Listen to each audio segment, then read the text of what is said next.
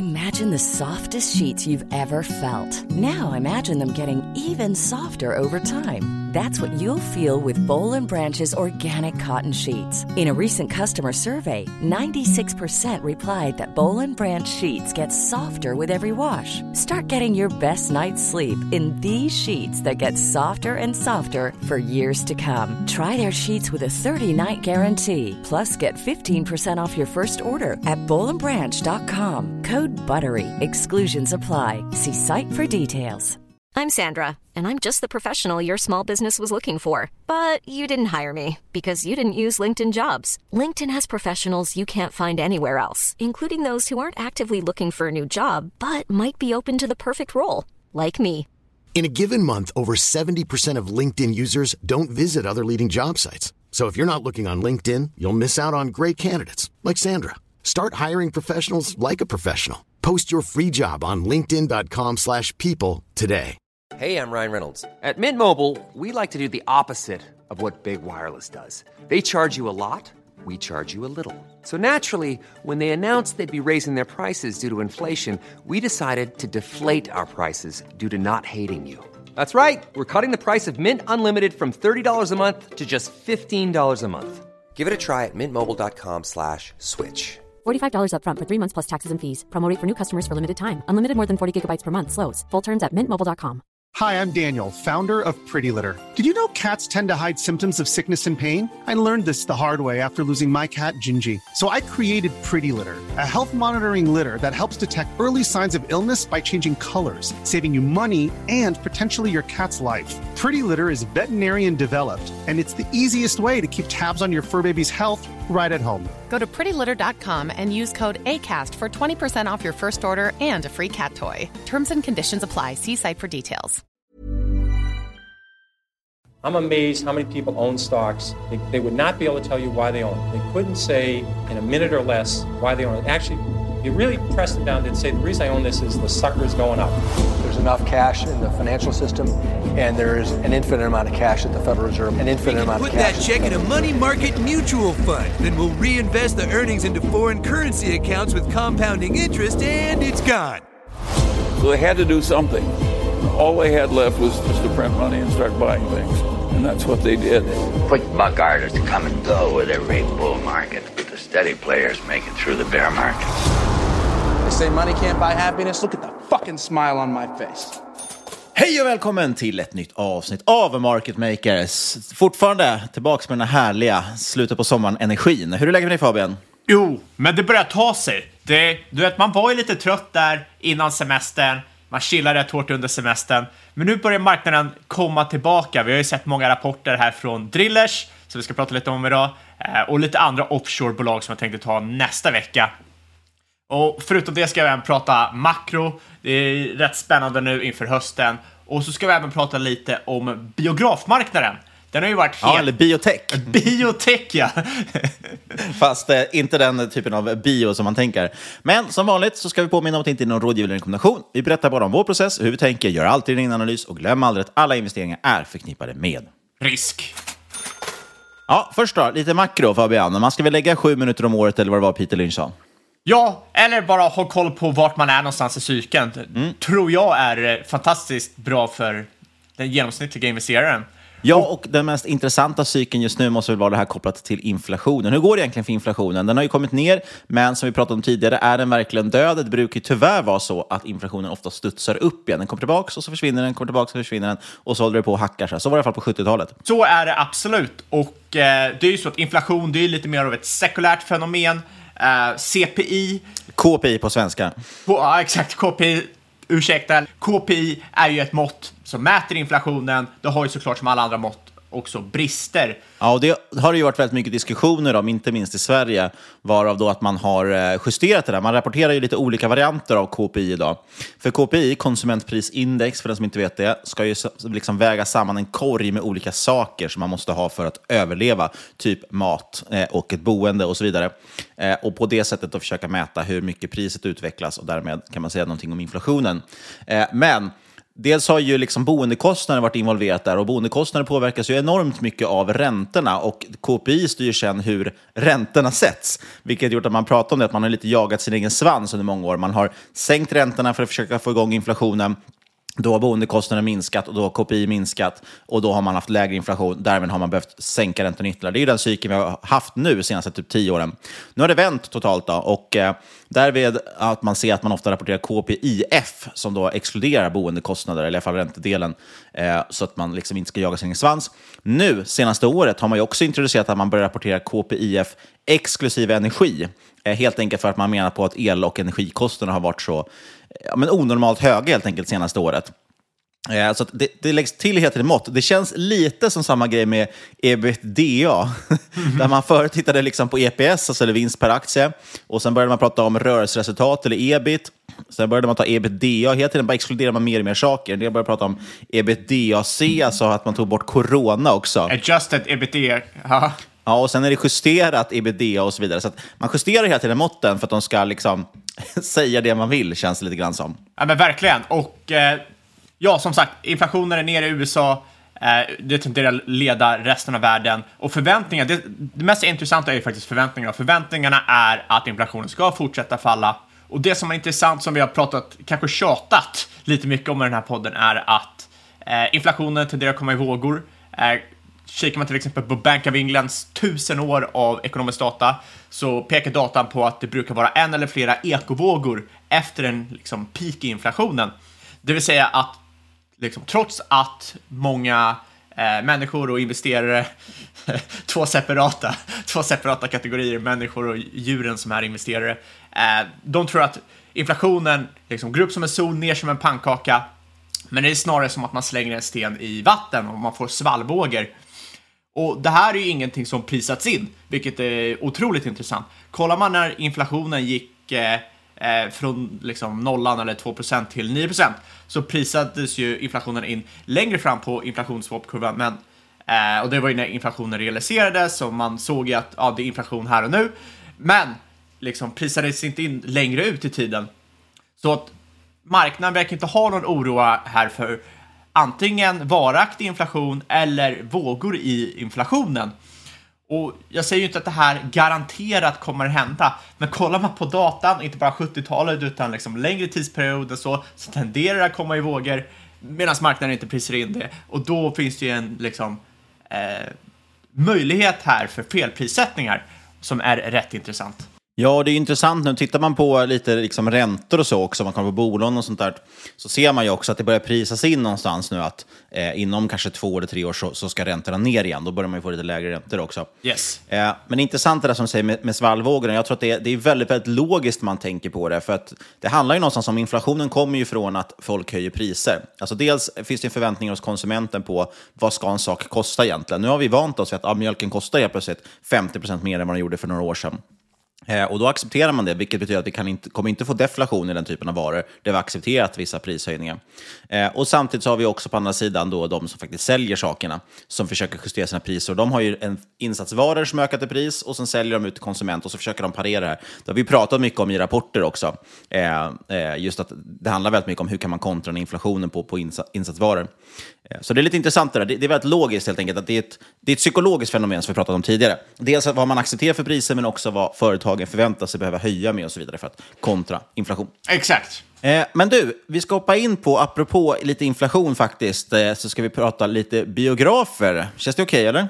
Ja, det är ju kul. Är det, är det den här AMC då? då? Ja, men AMC är ju omöjligt att undvika om man, inte, om man ska prata om det här ämnet. AMC eh, är ju ett väldigt känt bolag. Det var ju, vart ju liksom lite av en meme-stock här. Var det 2021 va, som meme-stocksen var stora? Yes. Och då var det ju framförallt att det började med GameStop, som i princip var ett konkursfärdigt bolag en, som sålde fys fysiska spel, alltså dataspel i fysiska butiker. Eh, det var i princip konkursfärdigt, men aktien var väldigt blankad, vilket då insåg, då hade några på Reddit kommit på idén att om vi bara köper upp tillräckligt mycket av bolaget så kommer vi squeeza de här blankarna. Vi kommer trycka upp priset så mycket att de måste täcka sina blankningar och då ökar priset ytterligare. Och de fick en enorm rusning här. Och det ledde ju till att man letade efter fler bolag som var väldigt blankade och då landade siktet på AMC. Eh, AMC dock mår ju inte särskilt bra. De står ju i princip i, på randen för konkurs. Man har väl runt 5 miljarder dollar i skuld, eh, vilket gör att det, liksom, det går inte att resa den typen av kapital riktigt. Dessutom pågår också en stämning av aktieägare och det är väl kopplat till det här med meme stocksen, vilket gör att det kan vara ytterligare svårare att, att resa kapital. Men jag tänkte inte egentligen prata så mycket om just AMC. Poängen med AMC är bara att de ser ut att vara i en otroligt dålig sits. Sen kan det såklart ordna upp sig och jag vet ingenting om, om aktien är billig eller inte. Det är bara ett bolag jag i alla fall skulle akta mig för. Det, det, vet du, men du vill inte säga det rakt ut. jag minns att jag, jag köpte faktiskt AMC under den här meme-stock-eran. Jag ägde det under en halv dag ungefär, gjorde 100 procent. Och så minns jag att den gick 100 procent till. Det var rätt galna, galna dagar det. Men eh, i alla fall, jag tänkte komma in på det just för att vi pratade lite om den här boken Capital Returns av Edward Chancellor. Och eh, jag vet även att vår systerpodd, eller vad ska man säga, våra kollegor eller konkurrenter, beroende på hur man ser det, i podden Aktiesnack, pratar lite om den här Capital Returns också. Eh, och den handlar ju väldigt mycket om kapitalcykler, det vill säga det här väldigt, väldigt förenklat. Om en industri går väldigt bra eller en marknad går väldigt bra, då tjänar man mycket pengar där. Då får man hög avkastning helt enkelt. Eh, men har man liksom hög lönsamhet i en bransch, då är det fler som vill in i den branschen. Det ökar på konkurrensen, vilket minskar då avkastningen eftersom det är fler, färre, eller fler som ska dela på samma kaka. Och därmed driver man ut kapital igen. Folk tappar intresset av att investera i den här marknaden eftersom det är, inte är någon bra avkastning där.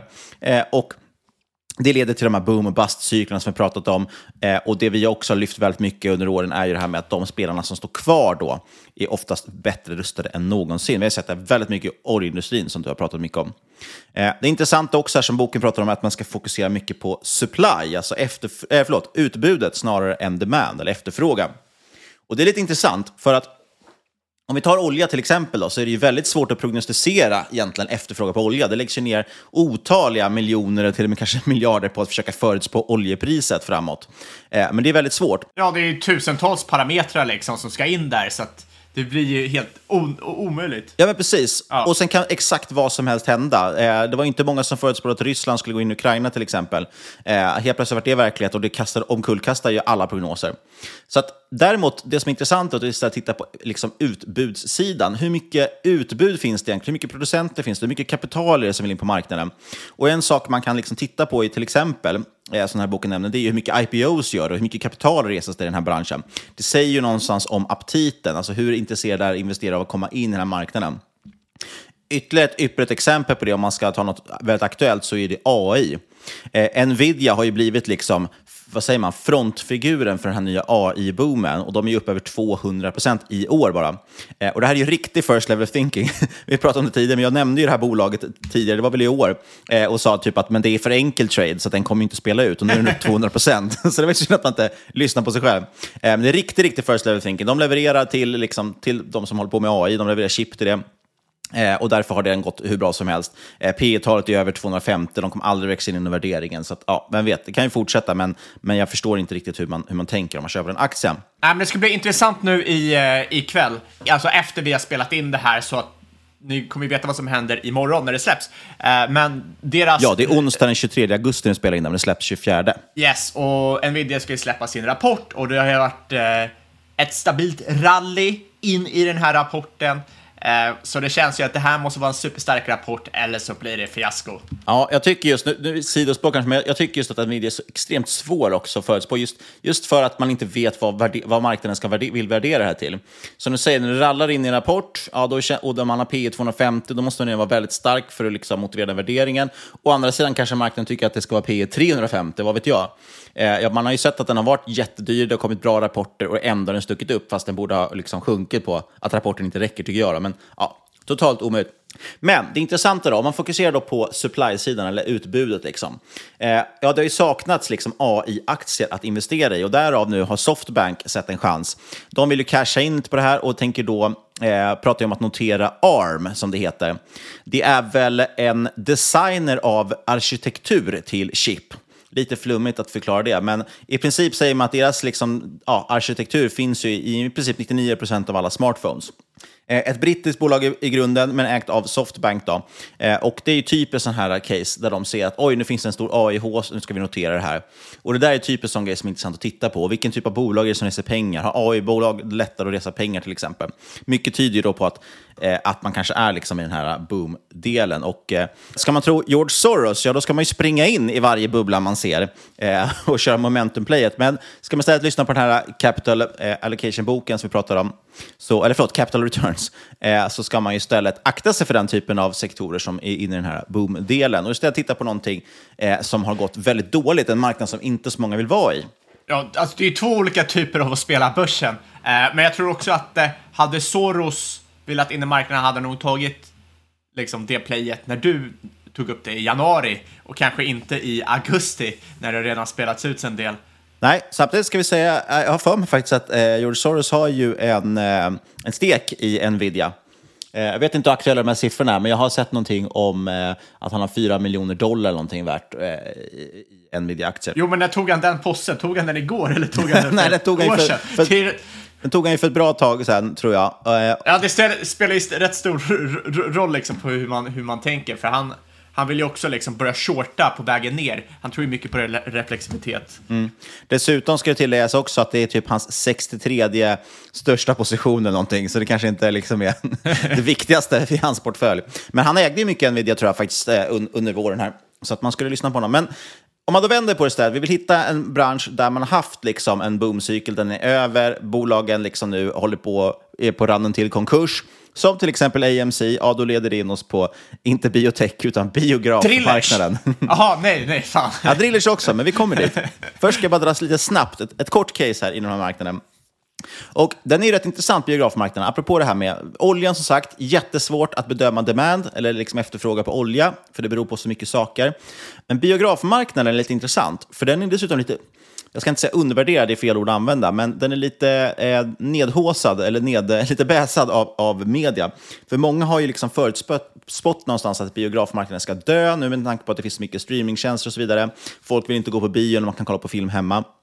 Men det är faktiskt, det narrativet stämmer inte riktigt. Om vi bortser från covid då, som var av helt andra skäl, så har faktiskt, så har faktiskt biomarknaden eh, ganska stabil tillväxt under väldigt, väldigt många år. Eh, det, är liksom, det är ingen stark tillväxt, utan det växer ungefär i takt med befolkning och inflation.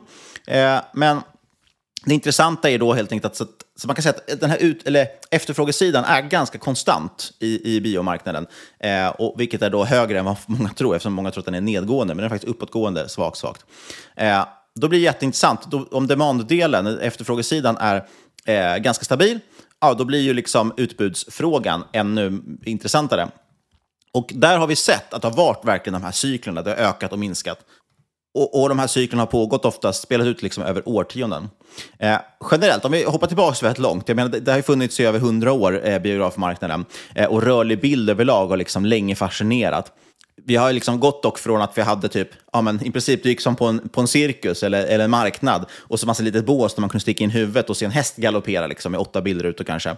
Till att numera har vi så kallade multiplexes där vi har massor med biografer som spelar film i princip dygnet runt och så säljer man läsk i lite format. Och, och det är för övrigt också en jättestor del av businessen. Mellan 30 till 40 procent någonstans har jag läst mig till att intäkterna kommer ifrån just snacks och läskförsäljning. Eh, därav såklart att man förbjudit eget godis också på svenska biografer under senaste året. Eh, och just multiplexes som det handlar om, det är det som är det stora nu. Liksom. Man ska ha stora biografer med många skärmar. Eh, det var det Stanley Durwood från American Multicinema som revolutionerade. Och American Multicinema, ja, det förkortar sig såklart till AMC. Så fick vi in det också. Snyggt, snyggt. Eh, USA i alla fall får väl anses lite som bions hemland. Eh, USAs biomarknad har jag lärt mig till är värd närmare 10 miljarder dollar. Utgör runt 15 procent av världsmarknaden. Eh, anställer närmare 200 000 människor och det finns tiotusentals skärmar runt om i landet idag. Och idag är AMC den klart största aktören. Eh, med Cinemark dock som tvåa i USA, men globalt så är det ju några som heter, de heter väl Regal Cinemas eller någonting, men det kallas, eh, bolaget heter väl Cineworld. Och det är väl brittiskt då. Eh, I alla fall, under 50 och 60-talet så var det ju drive-in bio som var en av de här stora liksom, eh, en av boom-cyklerna. Eh, det var liksom det hetaste i USA i princip. Det var en väldigt snabbväxande industri med stora vinster. Helt dött nu. Ja, ja, och det lockade till sig lyckosökare och snart helt, var ju utbudet helt enkelt för stort. Det fanns för mycket drive-in bios och därmed då var det många aktörer som försvann ut. Det ledde till en lång period med lägre avkastning för bioägare. Men sen växte demografin i kapp utbudet, eh, kombinerat med att en del aktörer kanske försvann och det ledde till ytterligare ett par år till med väldigt bra avkastning fram till 90-talet. När konkurrensen hårdnade igen, för då kom ju de här multiplexes och allting och då ökar ju helt plötsligt utbudssidan eh, jätte, jättekraftigt igen när man helt plötsligt byggde, istället för en skärm och så stod det massa bilar och tittade på den, så hade det helt plötsligt ett hus där det kunde vara liksom 20 skärmar. Eh, och byggde man flera sådana, ja då var det helt plötsligt väldigt svårt att konkurrera. Eh, dessutom, eh, liksom, ja, det är väldigt lockande att bygga multiplex också, för du har ju lägre kostnad per skärm, så att säga, i och med att du har mindre personal och sådär.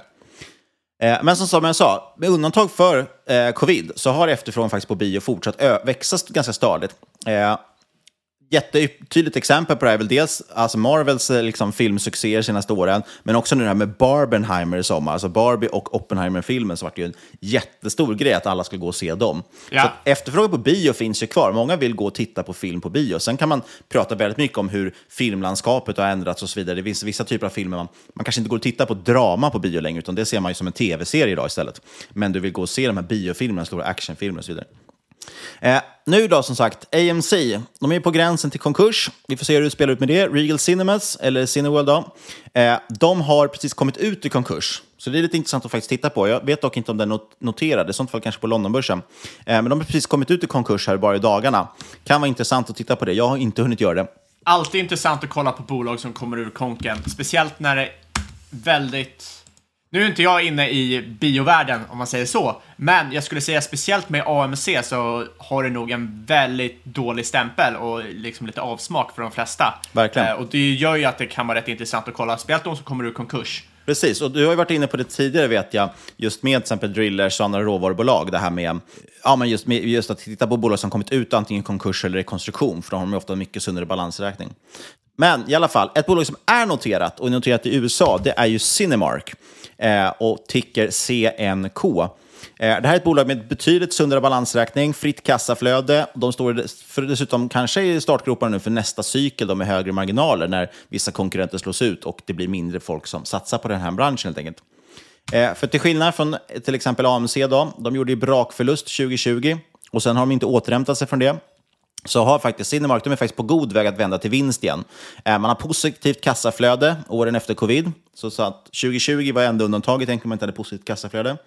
Eh, man kan diskutera hur dyrt det är med en EV eh, genom FCF. Just nu ligger på 17 på rullande 12. Det har dock inte tagit framåtblickande som sagt. Så det är inget oljebolag kanske, men å andra sidan betydligt mer lättanalyserad efterfrågan på den här typen av bolag. Eh, och det är en stor internationell aktör, eh, Cinemark. Man har 15 länder man verkar i totalt. Man är ett eller tvåa i 80 procent av sina toppmarknader. Man står som, man har högst antal besökare per skärm, ser man också. Och sen tyvärr, då, det, det är svårt lite att prata för mycket siffror, för att dels man är inte helt lönsam, men man har inte vänt helt, men däremot genererar man fritt kassaflöde som sagt. Eh, men det är också svårt att prata om så kagger, alltså årlig tillväxt och så, med tanke på att covid var så pass förödande för alla biografer. Man är dock man kan väl säga så här då, 2020 total kollapsade omsättningen eh, och då skenade även förlusten. Men nu är man i princip nästan tillbaka på samma nivåer som innan covid, så det har inte riktigt återhämtat sig än. Eh, man hade också utdelning i bolaget fram till corona och den kan vi hoppas kommer tillbaka snart. Eh, det ser ut som, jag tycker att det ser ut som att man borde kunna ha råd med det. Och sen just det här med konjunkturkänslighet är väl intressant nu om vi går in i en lågkonjunktur. Så kan man väl titta på att, som jag sa, efterfrågan har varit ganska stabil. Biografer är liksom inte kanske det dyraste man gör. Det brukar ändå fortsätta liksom rulla på. Det är betydligt billigare än att resa någonstans till exempel. Eh, och enligt bolaget själva har man faktiskt växt sina box office-intäkter, alltså sina biointäkter helt enkelt, i sex av de senaste åtta recessionerna. Eh, man har också tagit andelar under året och det är väl lite det vi pratar om, det här att man vill ha ett bolag som har sund balansräkning och som kan utöka sina marknadsandelar medan andra står på ruinens brant i princip. Eh, man har varit ganska duktiga på att eh, kontra inflationen, som vi varit inne på tidigare. Dels genom att jobba med hur man liksom lägger fram produkter, hur man prissätter produkter. Biljetterna har man till exempel ökat 6% i pris year over year. Eh, och internationellt så har faktiskt biljettpriserna ökat 23% year over year. Men det tror jag också kan bero på valutan, dollarn har varit så pass starkt. Ja, dollar, eller valutan plus inflationen så Ja. är det ju rätt rimligt. Precis. Eh, och man betalar tillbaka på sina skulder, vilket är kul. De har ju som sagt redan en ganska sund balansräkning, men det finns såklart skulder ändå. Men man har en väldigt välskött, liksom, generellt, det är ett ganska bra, liksom, känns välskött det här bolaget. Man betalar tillbaka på sina, de skulder man har, eh, men ändå har man kassaflöde kvar efter det. Så man ökar på sin kassaandel och förhoppningsvis så kan man väl sätta den i, i eh, användning snart och kanske göra lite återköp eller återintroducera, återintroducera utdelningar. Och tittar vi på Q2 nu 2023 som är senast så ökade biotittandet hos Cinemark med 24 procent year, over year over year. Vilket då tyder skulle jag säga, på en väldigt stark återgång för biografer efter corona. Eh, som sagt, så jag, jag skulle säga att man är verkligen on tracket, kanske nå tillbaka till pre-corona. Eh, ett nytt all time high i princip i omsättning inom, inom ett år.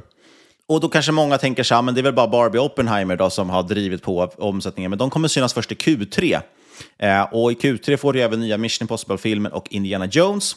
Och i Q4 flaggar man för att det släpps ny Marvel-film, ny Hunger Games, ny Dune och ny Aquaman. Det kommer aldrig några nya filmer, det är bara nya versioner av gamla filmer. Ja, verkligen. uh, ja, det är rätt intressant när man kikar på just box, uh, box office-resultaten i USA. Och som du säger, de har ju börjat återhämta sig mot 2019-nivå. Jag tror estimat... Box office, kanske många som vet vad det är, men det är ju egentligen biointäkter kan man väl lite förenklat säga. Ja, exakt. Och eh, senast jag sett så är estimat för 2023 ska väl komma strax över 9 miljarder och 2019 låg på 11 miljarder. Och eh, en, en, en stor grej här är väl att större filmer, som du precis nämnt, har i stort sett återhämtat sig helt vad jag vet. Eh, det är ju mer mindre filmer, liksom lite indie, draman som du säger, eh, de som fortfarande spelas på bio. Där finns det fortfarande liksom, plats för återhämtning. Det är väl kanske en 70-80 procent av vad det var eh, 2019. Så det dröjer ner. Ja, och den är så svår, för det konkurrerar ju så pass mycket med att, alltså, tv-serier. Vi är ju inne i någon form av guldålder för tv-serier. Och vill man se drama, så det gör sig oftast kanske, det gör sig lika bra hemma. Medan mm. en, en Top Gun Maverick vill ju se på bio. Exakt, exakt.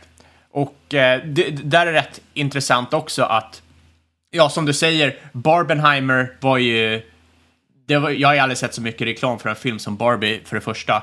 Men sen också att man släpper på samma dag, eh, får till Barbenheimer, alltså största heisten, att få ihop det där till en meme. De, de som körde marknadsföringsavdelningen på vad är det, Warner Brothers eh, ska ju ha en jäkla medalj för det där, för där är inget som uppstått spontant. Det där är ju marknadsföring 101 eh, som har liksom varit en homerun. Men Eh, Barbenheim... Nästa sån eh, som släpps på samma datum som du pratar om nu, det är att det kommer en ny så-film och en Paw Patrol-film för alla barn. Så att det, det nya nu är så Patrol. uh, ja, men de har ju slagit estimaten. Uh, men vad jag läste var att många andra blockbusters, till exempel Indiana Jones, inte gjort det. Uh, samt som må många mindre filmer som sagt underpresterat. Och ett problem här är att branschen lider fortfarande, och det här är inte så mycket biograferna, som det är filmproduktionsbolagen. Men de lider fortfarande produktionsstörningar från covid och det här resulterar i att själva timelinen att släppa filmen är liksom helt ur synk. Så till exempel eh, när Super Mario-filmen släpptes, en anledning varför det, det var såklart en bra film, men en anledning varför de slog, liksom, drog in så mycket pengar var att de hade ingen konkurrens i stort sett för den typen av film när det släpptes, så de var helt tomt på schemat. Så när folk ska gå och se någonting i den eh, genren, så ja, ah, då blir Super Mario-filmen dra in jättemycket. Men till skillnad när... Äh, och, och, som du säger, det är ju väldigt positivt för de som släpper den filmen, men det är ju egentligen inte så posi positivt för biograferna. De vill ju ha mycket filmer att välja på som folk går många gånger. Exakt. Men, sen... men, jag tycker att man ser en stor skillnad nu i att det, det börjar verkligen ticka på nu med mycket storfilmer. Det enda man orosmolnet där då, det är väl som du säger, det, det har släpat efter med, med produktionsproblem från, från corona och nu dessutom har man ju en ganska stor strejk som pågår i, i Hollywood också bland eh, författare är det väl. Exakt, och liksom den här produktionsstörningen, det går ju också åt andra hållet. Till exempel när du släppte Mission Impossible-filmen eh, så var det ju massa konkurrerande filmer eh, som trycktes ut samtidigt som gjorde att liksom, intäkterna var under estimaten för till exempel Mission Impossible. Eh, så jag vet inte exakt hur man ska tolka det på biografer, jag antar att det är lätt negativt eftersom det är bättre att ha ett stadigt schema så att du får ett stadigt inflöde av folk istället för liksom toppar och dalar som det antagligen fortfarande är lite på grund av de här produktionsstörningarna från covid. Det kommer ju såklart jämnas ut över tid. Det kommer jämnas ut. Jag tycker bara att det är intressant liten faktasnutt. Ja, och jag vet att många oroar sig för den här manusförfattarstrejken också, att vad det kommer leda till för, för störningar, men de lär ju synas lite längre fram. Eh, nej, så jag tycker det är lite intressant, eh, Cinemark, faktiskt att titta på överlag den här branschen. Jag tror inte kanske man behöver rusa in i det här, men, men sagt ändå intressant. Jag skulle säga så att enda nedsidan jag kan se i det här bolaget är att vdn heter Sean Gamble. och man vill inte ha någon som heter Gamble i efternamn. Nej, jag skojar. Det finns såklart massvis med risker i det här bolaget. Och eh, det ska bli, jag tror att man framförallt ska hålla lite koll på Dels eh, eh, Cineworld, alltså det här Regal Cinemas, och se hur det går nu efter deras konkurs. Hur påverkar det? Har de liksom, ja, refinansierats och så vidare? Ser starkt ut. Och hur går det AMCs med deras liksom, konkursförfarande här också, om det blir en konkurs eller inte och vad, vad som händer. Eh, det tror jag kommer påverka Cinemark väldigt, väldigt mycket. Så att, det är en bransch att hålla koll på kommande kanske halvår, skulle jag säga. Eh, ja, absolut. Speciellt om du ser ett liksom, liten, uh, litet tapp i aktiekursen. Uh, jag menar, skulle du, få, skulle du kunna köpa det under FCF med tippet på 15 så skulle det nog vara en, en bra deal med tanke på att det inte växer jättemycket, kanske underskattas lite av marknaden som du säger. Uh, absolut. Något som är solklart köpvärt då Fabian, vad är det? solklart köpvärt? Uh, ja... Är det drillers kanske? Personligen måste jag säga drillers, jag måste säga off, uh, offshore. Ni vet ju att jag är ju lite biased här, uh, inte alls objektiv. Men det har ju liksom kommit in rapporter, alla säger ju samma sak, så jag tänkte ju gå igenom lite av rapporterna här för ett gäng bolag inom drillingsektorn. Såklart lite mer fokus på de större bolagen framför de små. Eh, men jag har kikat igenom cirka 10 riggbolag. Det börjar bli väldigt, väldigt bullish där ute. Såklart ska man ta det med en nypa salt, men det är alltid intressant när alla bolag säger samma sak nästan. Eh, marknaden för det första återhämtar sig mycket snabbare än förväntat. Eh, 18 månader sedan så trodde marknaden att man idag skulle ligga på cirka 350 000 i dayrates eh, för drillships, alltså de här största skeppen, eller de här största riggarna ute på havet. Eh, man ligger idag på 500 000 dollar leading rate, alltså 150 000 högre än man förväntat sig. Nu spår man höga 500 inom 12 månader. Och då är ju liksom den stora frågan här, kommer man eventuellt underskatta det här igen? För man börjar ju nu se eh, fleråriga kontrakt komma ut på marknaden, då kunder vill säkra upp riggar framöver. Och inte bara fleråriga kontrakt, utan längden på kontrakt stiger snabbt. Det har ju stigit från cirka sju månader till ett år Ehm, på, sen, sen 2022.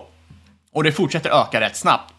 Eh, ser även att eh, förlängningsoptionerna nu är högre än faktiskt kontrakten. Tidigare år så har man ju sett, liksom, eller under björnmarknaden så har man ju sett att har du en option så att du kan förlänga ditt kontrakt när det tar slut så kommer ju raterna vara lägre än vad själva kontraktet är. Nu är det ju tvärtom.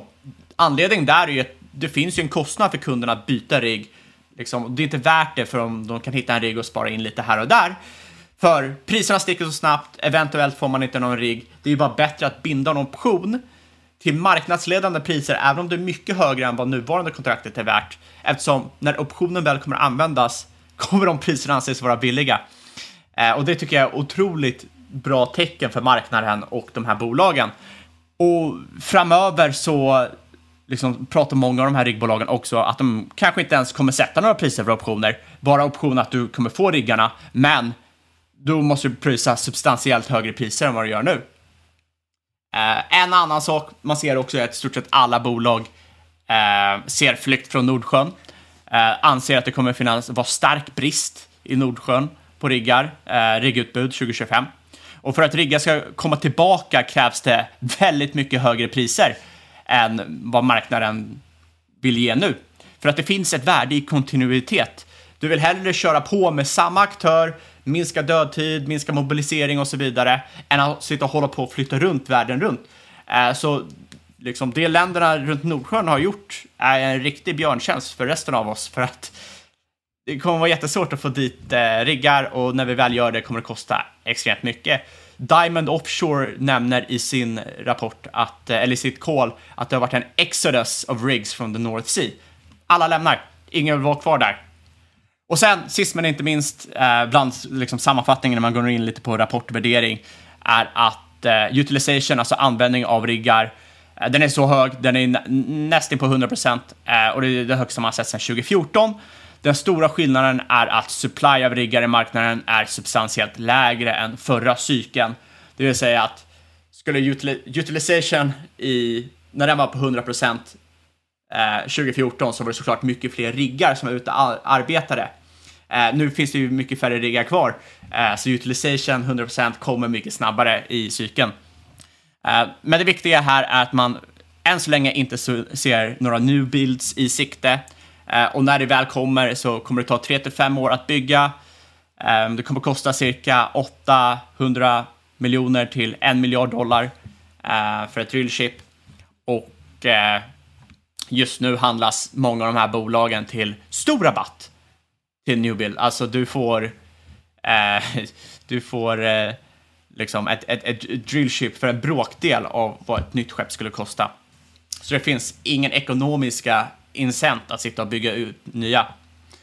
Eh, värderingen då, då? Kikar man på guidance för 2023 så handlar de flesta riggbolagen mellan EV, ebitda 10 och 20. Eh, det låter inte så jättebilligt, men kollar man då på guidance redan 2024 så halveras det här. Och eh, det som är intressant här är ju ett, hur konservativa bolagen är med deras tro på, på framtida dayrates. Är de konservativa så eh, kan ebitda gå ner mycket mer, mycket snabbare. Eh, sen också att många riggbolag har spikat majoriteten av sina kontrakt för 2024, men är väldigt öppna 2025. Eh, tidigare har ju kontrakt rullats efter behov, eh, men nu när riggbolagen börjar säga att tenders kommer ut för flera års arbete och liksom flera år ut i marknaden, eh, så kommer antagligen fler eh, producenter börja säkra upp liksom, längre fram i tiden. Så att jag menar, det är kanske inte så konstigt om du skulle knyta ett kontrakt 2024 med start 2026, 2027 nu, men det hade varit helt otänkbart bara för ett år sedan.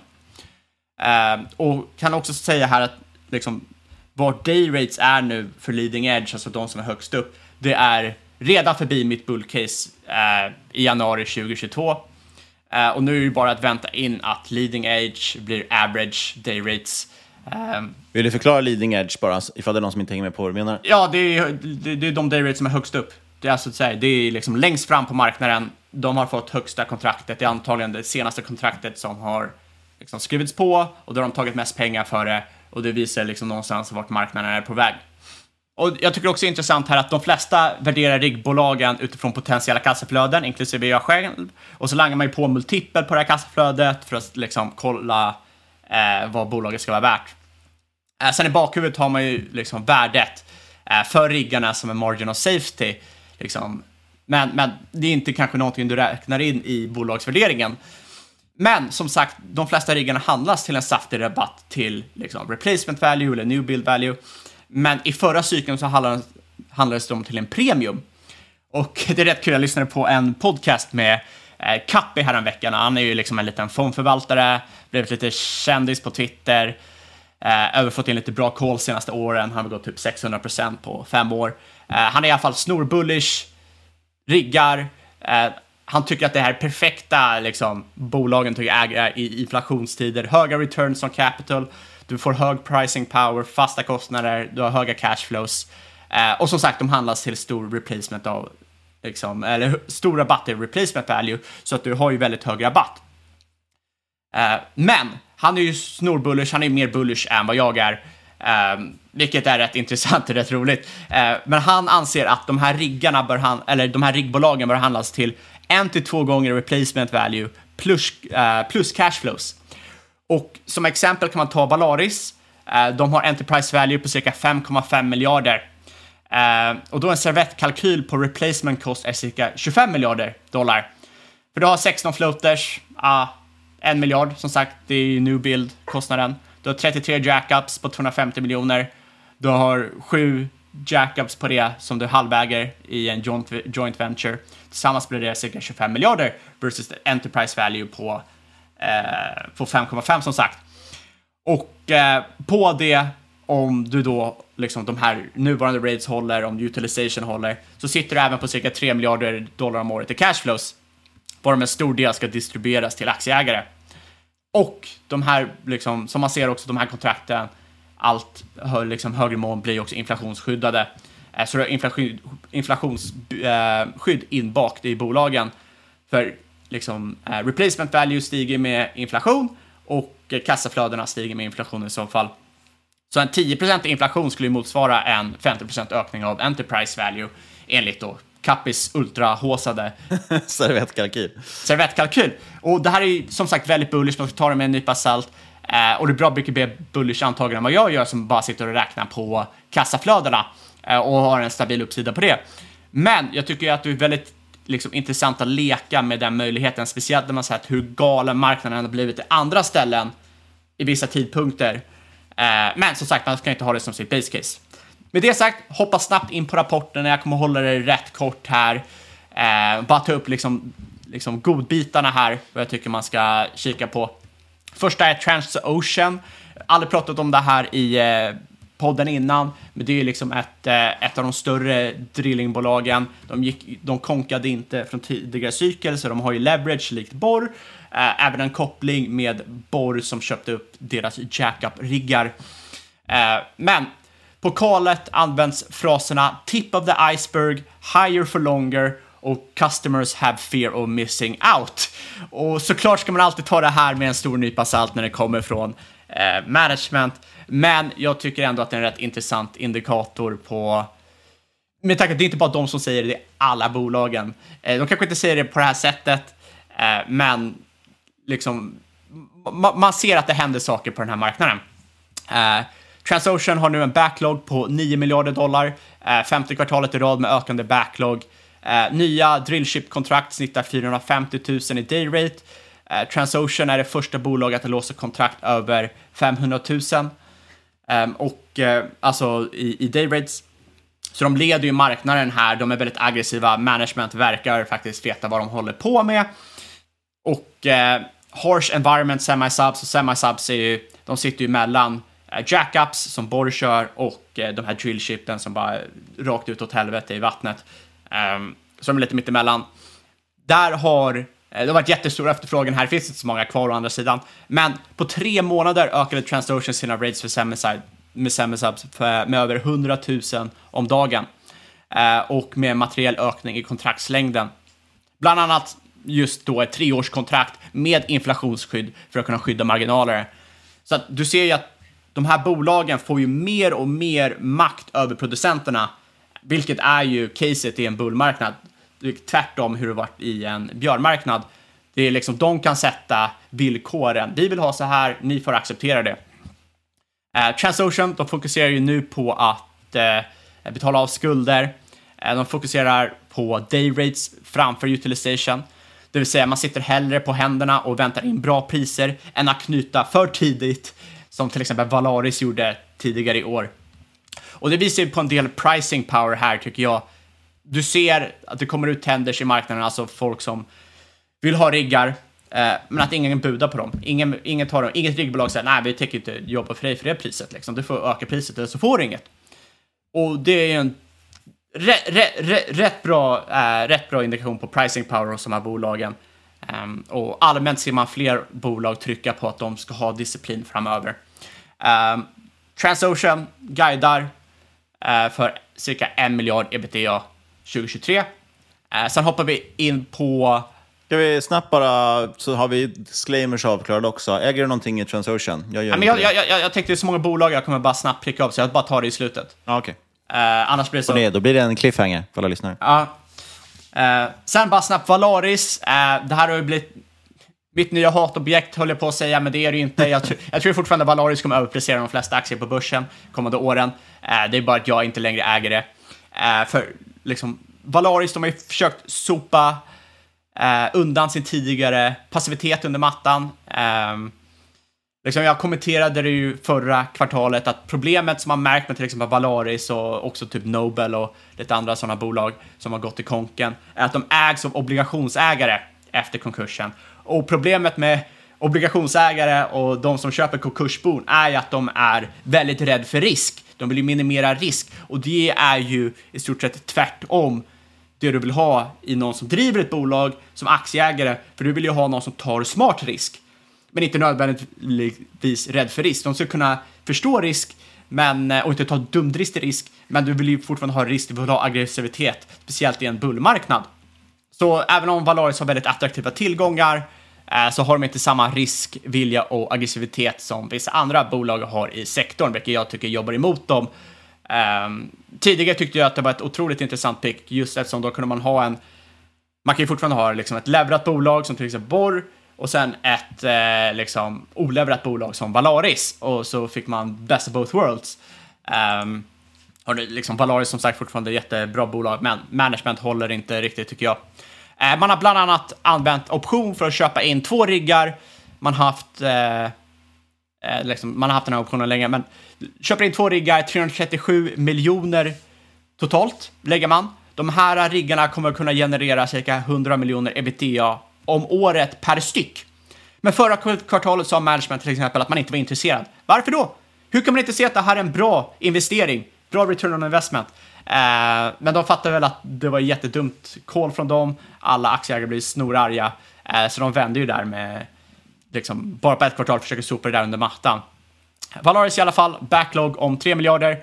Eh, intäkter och ebitda föll något under kvartalet, främst på grund av att man har svårt att hantera sin Eh, Jacob-flotta. Det är ju lätt här att skratta åt Valaris eftersom deras management har visat liksom lite tecken på att vara kassad tidigare, men jag tror inte man ska läsa in för mycket i det här faktiskt. Eh, mycket kan påverka enskilda kvartal, liksom beroende på upptid för riggarna, när de flyttar runt dem lite och så vidare. Ehm, däremot, en sak som, börjar, som är intressant och som man börjar se hos fler och fler bolag är att de börjar, börja med distribution av sitt eh, kassaflöde. Eh, Valaris har ju till exempel initierat återköp om 200 miljoner dollar, varav 94 miljoner eh, har redan aktiverats year to date. Eh, Valaris ser day rates över 450k för drillships eh, och kontrakt nu med varighet över fem år kommer ut på marknaden. Det är inte vanligt än, men eh, det finns där. Eh, och framförallt ser de att flera kunder vill knyta kontrakt med start så långt ut som 2026. Och det är kanske inte så konstigt heller med tanke på att Valaris är nästan helt uppbokat fram till 2025. Men det tyder på en viss tajthet att, få, att bolag vill säkra riggar Uh, leading edge för jackups ligger nu på 180 000, utilization över 90 procent och det här, som sagt, man har inte sett liknande marknad sedan 2014. Intressant här är att en tredjedel av globala jackup-flottan är över 30 år gammal. Eh, och trots det är det inte heller någon tecken på new builds. Och vad händer liksom med eh, äldre eh, äldre riggar? Ja, de presterar ju sämre, de har ju lägre specifikationer. Um, så att det finns ju, det är som vad som helst med äldre. Liksom en gammal bil kommer prestera sämre än en ny bil. Uh, lite sämre prestationer och säkerhet och liknande saker i specifikationer. Som du kanske vill ha när du är ute på liksom vilda vattnet med massor med vågor och eh, Zeus och, nej Zeus är inte den, det är ju, vad heter han då? Eh, vatten och djuret. Aquaman. Aqua, Aquaman, exakt. Eh, Zeus slänger ju, slänger ju blixtar och grejer. Ja, du tänker på Poseidon? Poseidon tänker på, exakt. Shit. Uh, men de anser också att marknaden måste konsolidera och är väldigt öppna för M&A. Jag är inte tog såld på det. De guidar 175 till 195 miljoner ebitda 2023. Ja, och sen kommer vi in på borr. Det är ju liksom ett av mina huvudinnehav. Eh, backlog på 1,6 miljarder dollar, eller 34 riggår. Eh, I Q4 kommer man ha över 100% utilization rate. Eh, otroligt, otroligt bra.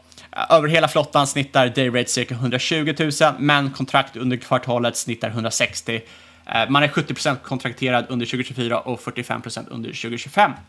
Uh, som tidigare nämnt är jackup utilization på nivåer man inte sett sedan 2014. Uh, eh, kunder känner ökad angelägenhet att knyta kapacitet eh, och tecken på detta är ju som sagt att man ser ökade kontraktslängder.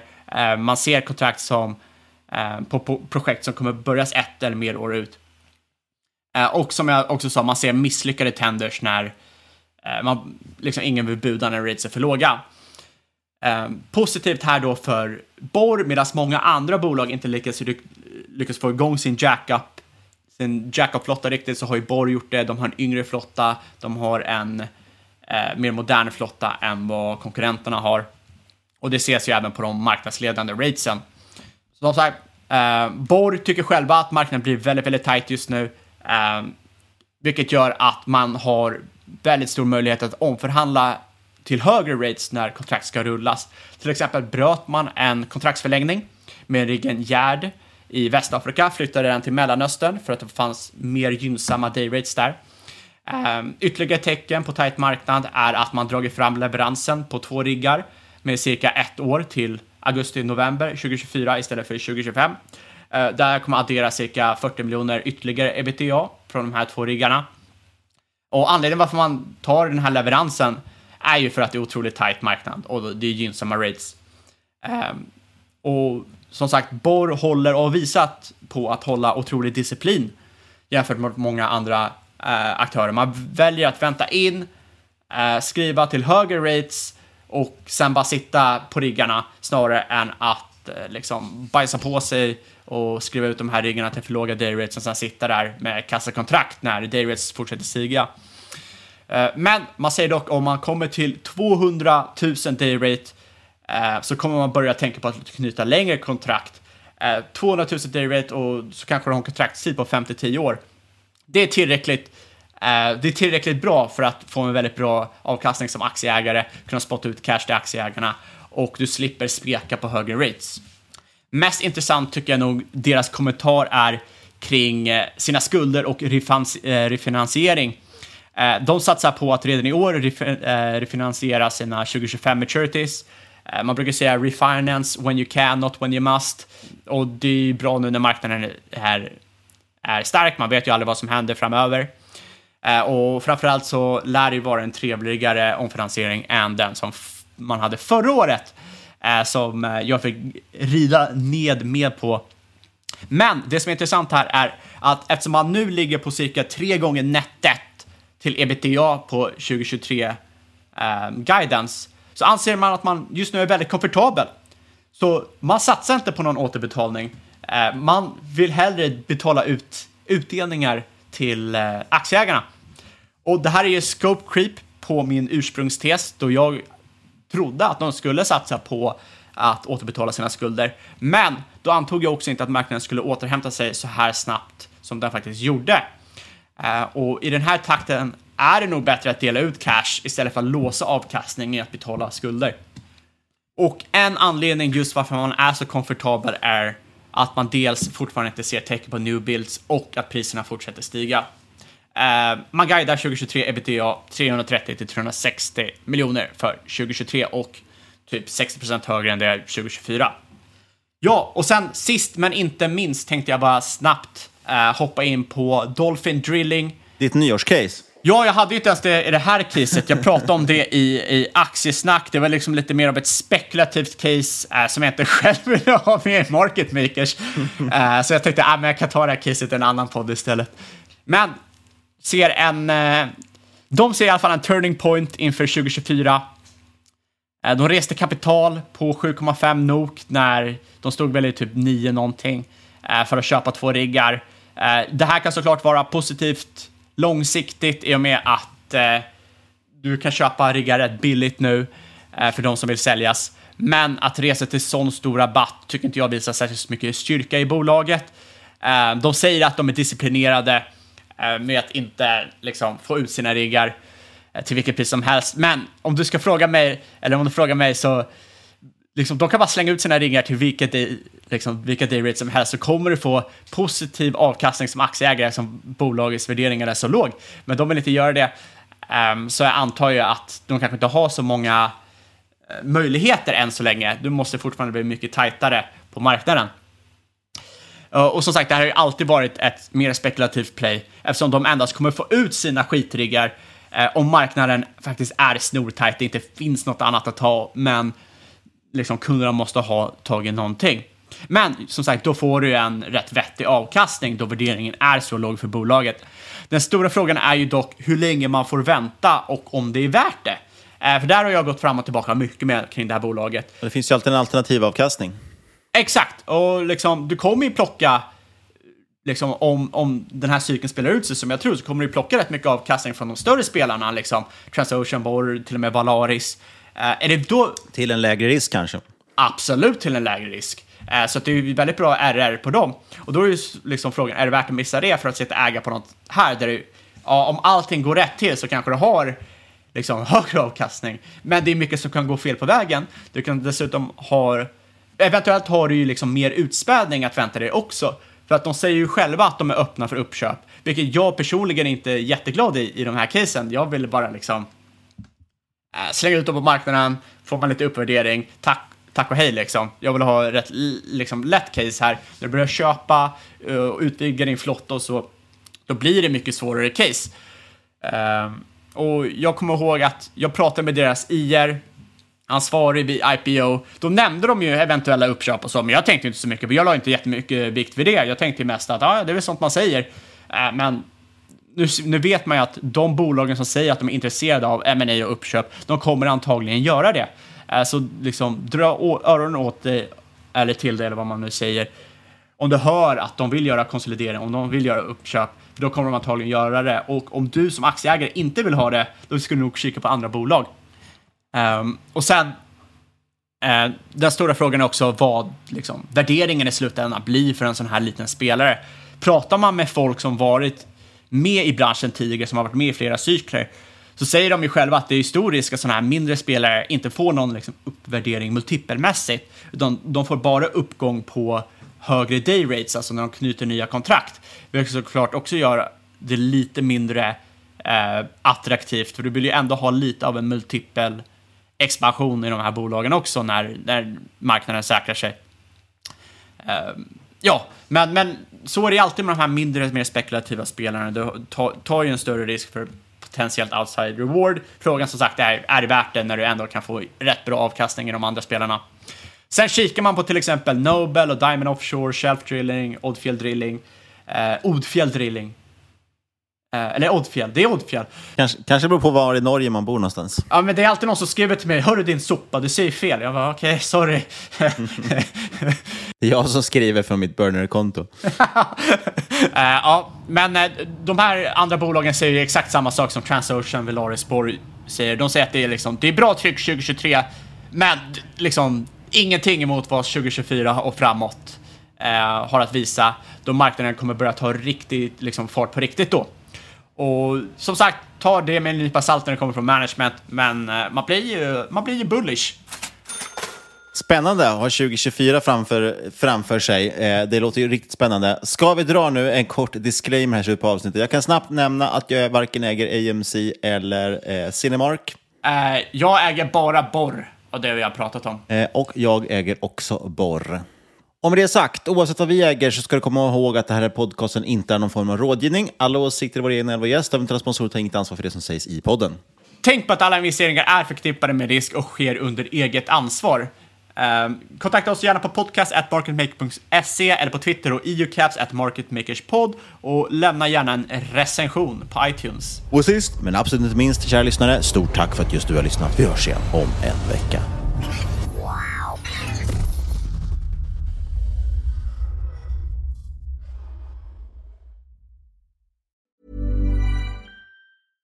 Small details are big surfaces. Tight corners are odd shapes. Flat, rounded, textured, or tall. Whatever your next project, there's a spray paint pattern that's just right. Because Rust new Custom Spray 5 in 1 gives you control with five different spray patterns. So you can tackle nooks, crannies, edges, and curves without worrying about drips, runs, uneven coverage, or anything else. Custom Spray 5 in 1 only from Rust-Oleum hi i'm daniel founder of pretty litter cats and cat owners deserve better than any old-fashioned litter that's why i teamed up with scientists and veterinarians to create pretty litter its innovative crystal formula has superior odor control and weighs up to 80% less than clay litter pretty litter even monitors health by changing colors to help detect early signs of potential illness it's the world's smartest kitty litter Go to prettylitter.com and use code ACAST for 20% off your first order and a free cat toy. Terms and conditions apply. See site for details. Planning for your next trip? Elevate your travel style with Quince. Quince has all the jet setting essentials you'll want for your next getaway, like European linen, premium luggage options, buttery soft Italian leather bags, and so much more. And is all priced at 50 to 80% less than similar brands. Plus, Quince only works with factories that use safe and ethical manufacturing practices. Pack your bags with high-quality essentials you'll be wearing for vacations to come with Quince. Go to quince.com slash pack for free shipping and 365-day returns. Mom deserves the best, and there's no better place to shop for Mother's Day than Whole Foods Market. They're your destination for unbeatable savings, from premium gifts to show-stopping flowers and irresistible desserts. Start by saving 33% with Prime on all body care and candles. Then get a 15-stem bunch of tulips for just $9.99 each with Prime. Round out Mom's menu with festive rosé, irresistible berry chantilly cake, and more special treats. Come celebrate Mother's Day at Whole Foods Market.